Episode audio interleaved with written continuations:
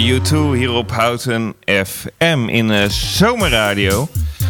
Vorige week uh, was er niet zo leuk nieuws bij, uh, bij het Park Schoneveld.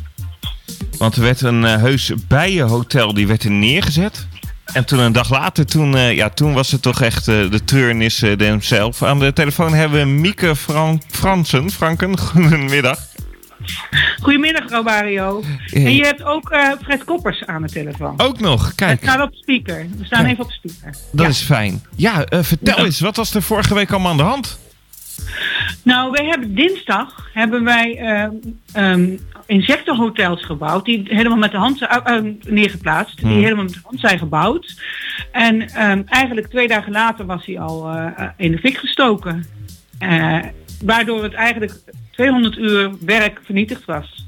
Ja. Maar Fred weet eigenlijk beter hoe je dat zo'n ding bouwt, hè? Want jullie zijn ruim uh, vier maanden ermee bezig geweest? Ja, met twee hotels. En ja, hoe werkt zo'n proces dan? Hoe, hoe ga je aan de slag? Hoe denk je, hoe maak ik überhaupt een, een bijenhotel? Ja, we gaan eerst uh, hoe heet dat, um, een tekening uh, maken. En op die tekening gaan we kijken wat voor soort hout je moet hebben. Mm -hmm. En nou, toen hebben we Douglashout genomen. En toen hebben we roestvrij, roestvrij uh, spijkers genomen, mm -hmm. schroeven.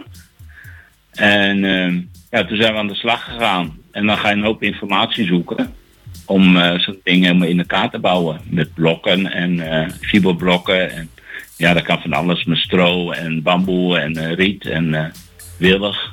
En, dus, ja, en het zag er gewoon prachtig uit, hè? Ja. Maar, dat is inderdaad heel mooi. Maar ja, de, de bijen die hebben er weinig uh, gebruik van kunnen maken.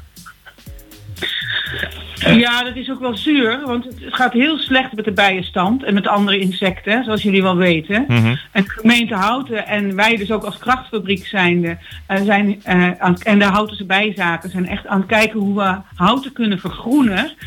En met dit plan om dat te doen, de Houtense bijzaken zijn vooral bezig met um, bloemenvelden te, te, aan te leggen samen met de gemeente. Mm. En wij dus met het bijenhotel om te kijken hoe we de bijenstand vooral in Houten uh, omhoog kunnen krijgen. En zoveel mogelijk soorten weer terug kunnen krijgen in Houten. Ja, en toen, uh, nou, toen hebben je in ieder geval een prachtig uh, hotel gemaakt.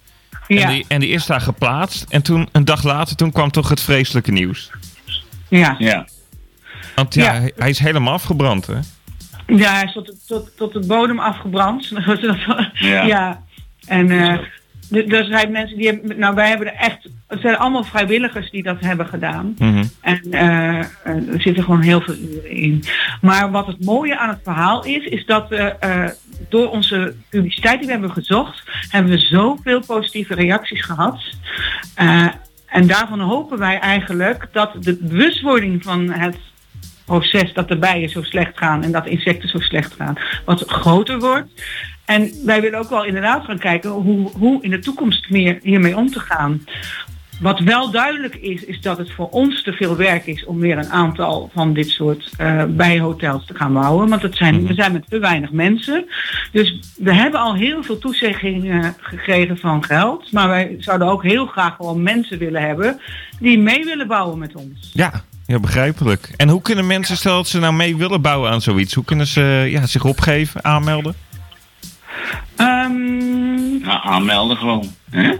En, waar kunnen ze, en waar kunnen ze dat waar, doen? Waar kunnen ze het doen? Uh, gewoon via de ja, via Dijkhoek uh, Ja, doe maar nou. penningmeester.krachtfabriek.nu ik zal, het, uh, ik zal het even toevoegen aan het, aan het artikel op onze website van omroephouten.nl. Dan ja, kunnen mensen het eventjes uh, even nalezen. Ja, ja, ja. Is goed. En ik, ik zag ook dat de politie in ieder geval op zoek is naar getuigen. Weten jullie al daar iets meer van? Nee, daar hebben wij nog niks op gehoord.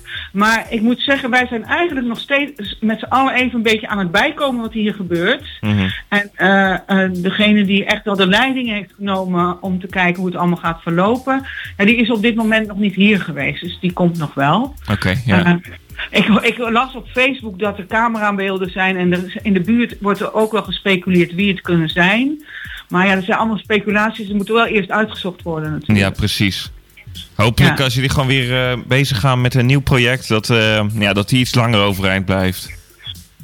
Ja, dat die andere in ieder geval blijft staan. Want ja, er staat beauty staat nog in de, aan het sneeuwwater. Dus als mensen willen zien hoe mooi die was, nou dan kunnen ze daar nog even kijken. En daar wordt wel goed op hem gelet hoor, op dit moment. Gelukkig. De buurt is er echt druk mee. Ja, gelukkig maar. Nou, ik hoop dat er in ieder geval uh, nou, weer mooie nieuwe bijhotels nog bij gaan komen.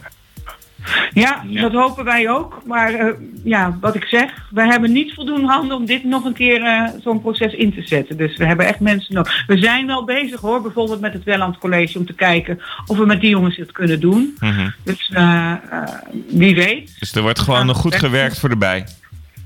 Ja, het zal wel moeten hè. Ja. Heel belangrijk. Ja, het gaat heel slecht en ze zijn heel belangrijk voor onze voedselketen. Ja. Dat, dat, daar vergissen mensen zich in. Maar als die bijen er niet meer zijn, dan krijgen we toch een heel groot probleem. En wat eet je zo meteen lekker op je, op je brood? Honing.